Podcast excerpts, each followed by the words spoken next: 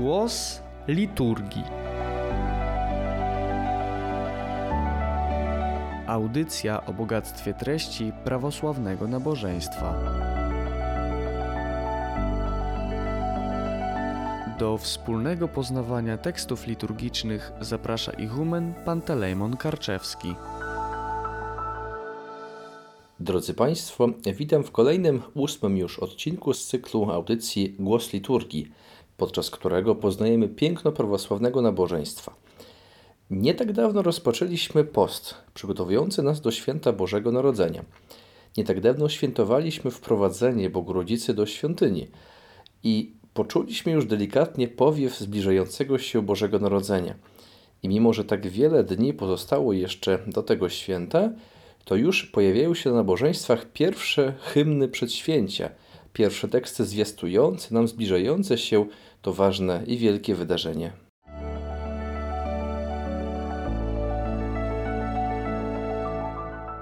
Głos liturgii.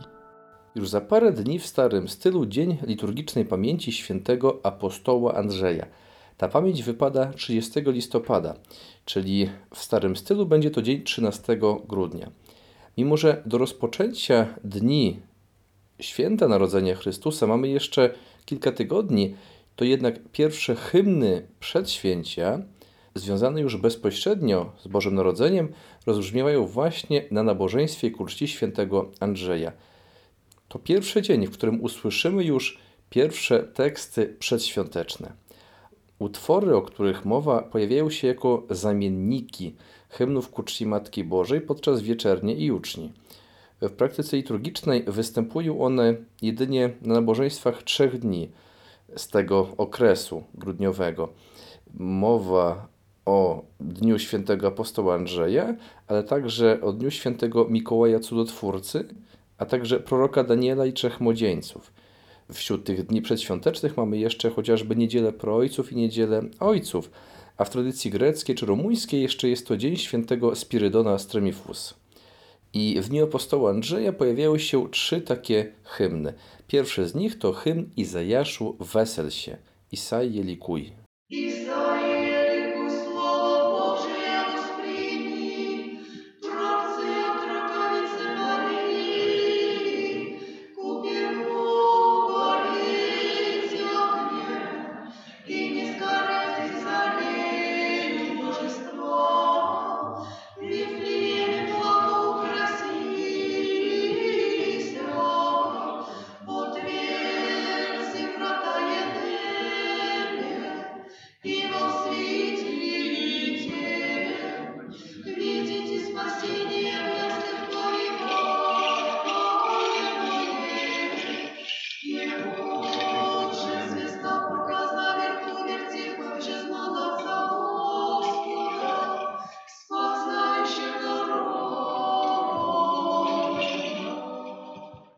Przetłumaczmy teraz ten utwór.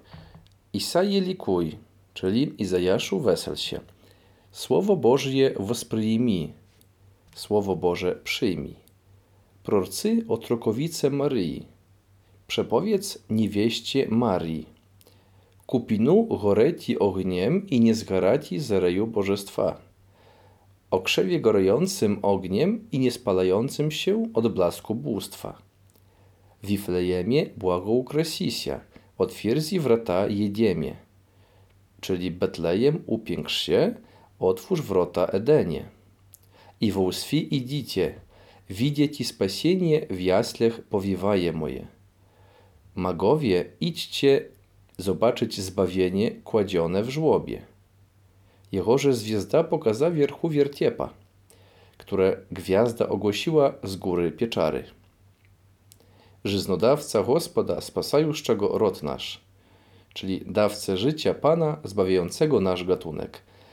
Ten hymn posiada wielu adresatów, bo podmiot liryczny zwraca się do osób, chociażby do proroka Izajasza czy do magów, którzy przyniosą Chrystusowi dary, ale także do miasta Betlejem i do raju, używając określenia Eden. Izajasz wzywany jest do tego, by się weselił, Greckie słowo z oryginału chorewe oznacza coś więcej niż tylko zwykłą radość. Odnosi się bowiem także do cielesnego aspektu okazywania tej radości poprzez taniec, bo wspomnijmy, że od tego terminu pochodzi m.in. wyraz choreografia. Choreografia, czyli dosłownie zapis tańca, choreo i grafo. I podmiot w zwrocie do proroka Izajasza nawiązuje także do krzewu gorącego, uważanego w teologii za praobraz, taką zapowiedź Bogu Rodzicy. Betlejem wzywany jest z kolei do upiększenia się, czyli do godnego przygotowania się na przyjście Mesjasza. W stronę Edenu, czyli raju, kierowane są słowa wzywające do otwarcia bram, otwarcia wrót, bo przyjście Chrystusa na ziemię stało się początkiem Jego odkupieńczej misji na ziemi, początkiem zbawienia, którego ostatecznym celem było przecież otwarcie bram raju. To znany motyw, pojawiający się w bożonarodzeniowej hymnografii, w pełni rozwinięty został przez świętego Romana Melodosa w Kontakionie, kiedy słyszymy słowa Betlejem otworzył Eden. Myśmy ten hymn omawiali w odcinku poświęconym postaci świętego Romana Melodosa. Magowie wzywani są do tego, by podążać za gwiazdą i ujrzeć zbawienie spoczywające w żłobie. I na zakończenie hymnu słyszymy określenie Chrystusa, dawca życia, Pan zbawiający nasz gatunek. Wysłuchajmy tekstu raz jeszcze.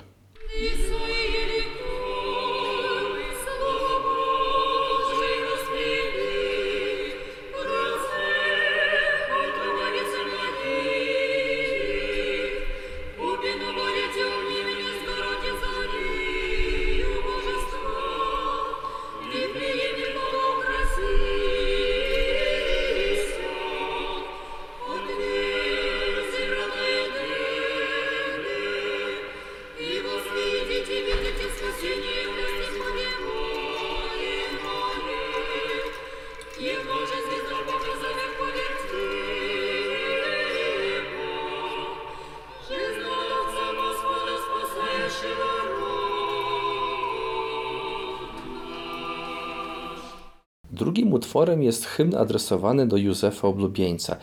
To stichera, która śpiewana jest także na królewskich godzinach Wigilię Bożego Narodzenia. Temat tego nabożeństwa na pewno poruszymy jeszcze w jednym z odcinków naszej audycji.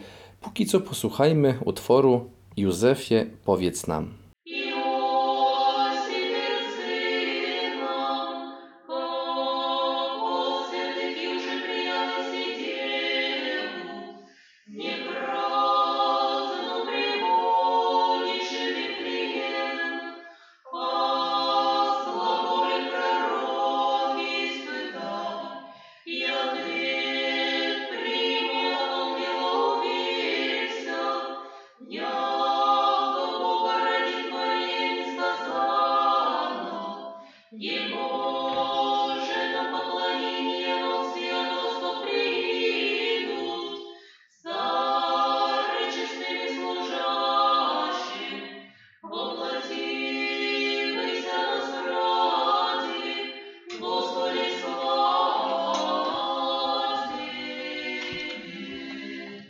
Josifie rcy nam, Józefie powiedz nam, kako od świętych już przyjąłeś si dziewu, jakże dziewicę, którą przyjąłeś od świętych, nieprazną przywodzisz Wiflejem, przyprowadzasz brzemienną do Betlejem. A z głagolet proroki spytaw, ja, mówi, proroctwa wybadawszy i otwiet prym od angiła i odpowiedź otrzymawszy od anioła, uwieryся, jako Boga rodzić Maryja nieskazanno. Czyli przekonałem się, że Boga urodzi Maria w sposób niewypowiedziany. Jehoże na pokłonienie wołswi od wostok przyjidut, któremu na oddanie pokłonu magowie ze wschodu przybędą.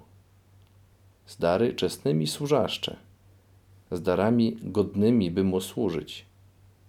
Wopłotiwy się nas radzi, Gospodzi, sława Ciebie wcielony ze względu na nas. Panie, chwała Tobie. Hymn zbudowany jest na kanwie rozmowy, dialogu z Józefem Oblubieńcem. My jako podmiot liryczny pytamy go, jak to się dzieje, że przyjąwszy dziewicę do opieki, przyprowadza ją brzemienną do Betlejem. On zaś nawiązuje do swojej początkowej niewiary. Mówi, że wypadło proroctwa na temat narodzin Chrystusa oraz że objawił mu się anioł, który poinformował o tym, kogo tak naprawdę urodzi Maria. Józef mówi, że przekonał się o tym, utwierdził się.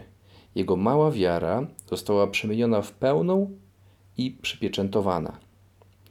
I dialog występujący w utworze jest interesujący pod względem teologicznym, bo w hymnografii utwory często przedstawiają pewne fikcyjne wypowiedzi Chrystusa, Matki Bożej czy świętych, w pewien sposób włożone w ich usta. Ale słowo fikcyjne w tym przypadku nie oznacza, że są to słowa nieprawdziwe.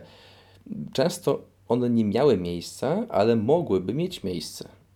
Nie słyszymy o nich z Pisma Świętego czy z żywotów, ale tworzymy je na podstawie pewnych przesłanek.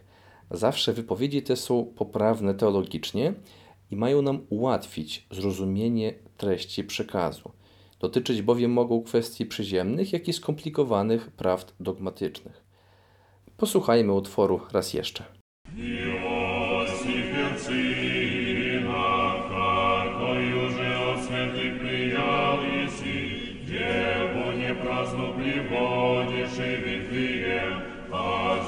пророки испыта, и весь прием от уверился, яко Богородик Мария не сказала, но ему поклонение волсы от востоков придут, старый честными служащие. Воплотивайся нас ради Господи, слава Тебе. I trzeci utwór na dzisiaj, utwór zwiastujący zbliżające się Boże Narodzenie, rozpoczynający się słowami Przyjmij Betlejem Bożą metropolię.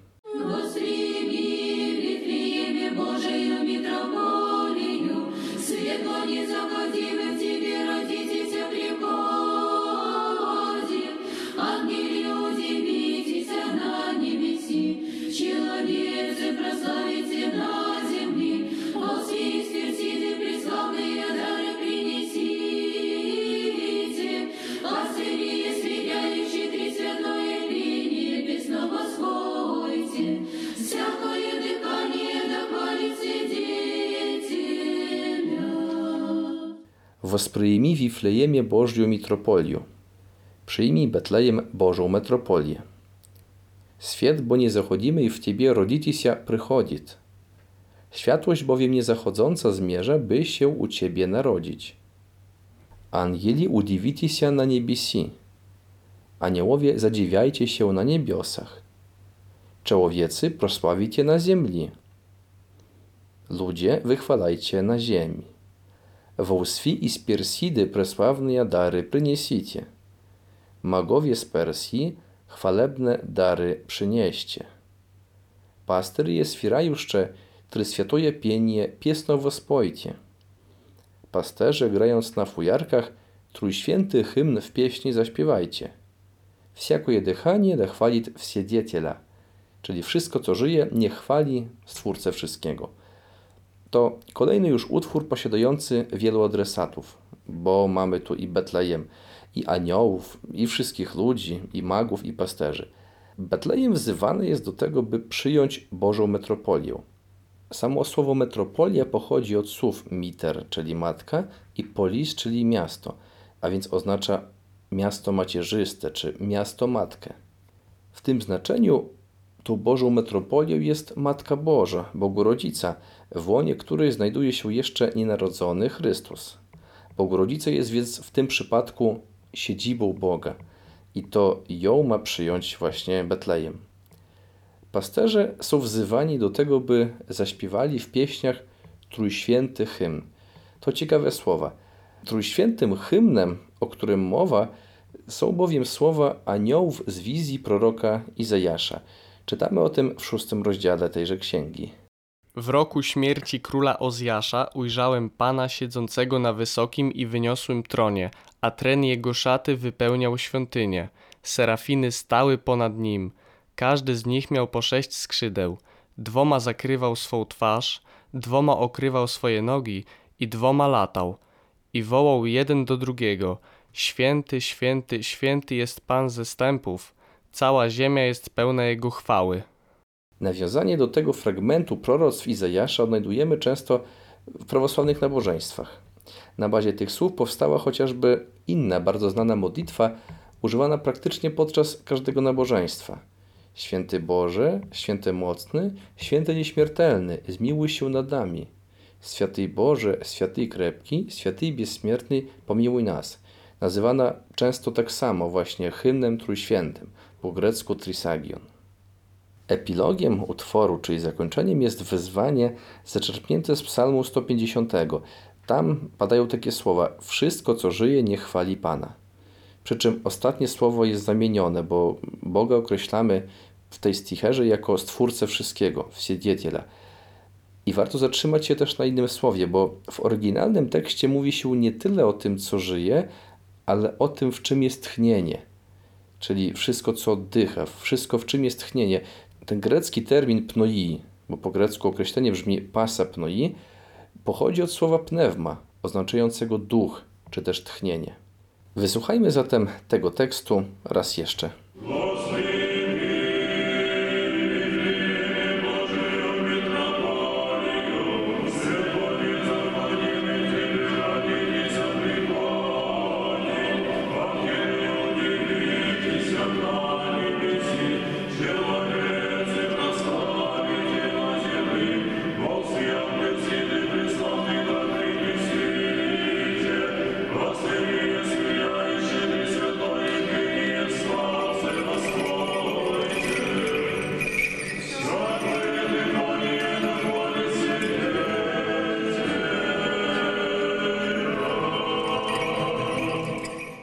Na tym zakończymy naszą dzisiejszą refleksję nad hymnami przedświęcia już zbliżającego się święta Narodzenia Chrystusa. Zapraszam wszystkich do kolejnego odcinka naszej audycji Głos Liturgii. Dziękuję serdecznie za uwagę.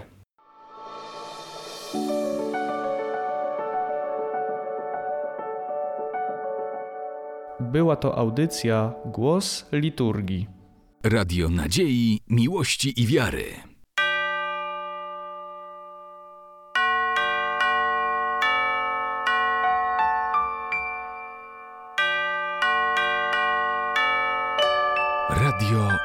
Radio Ortodoksja.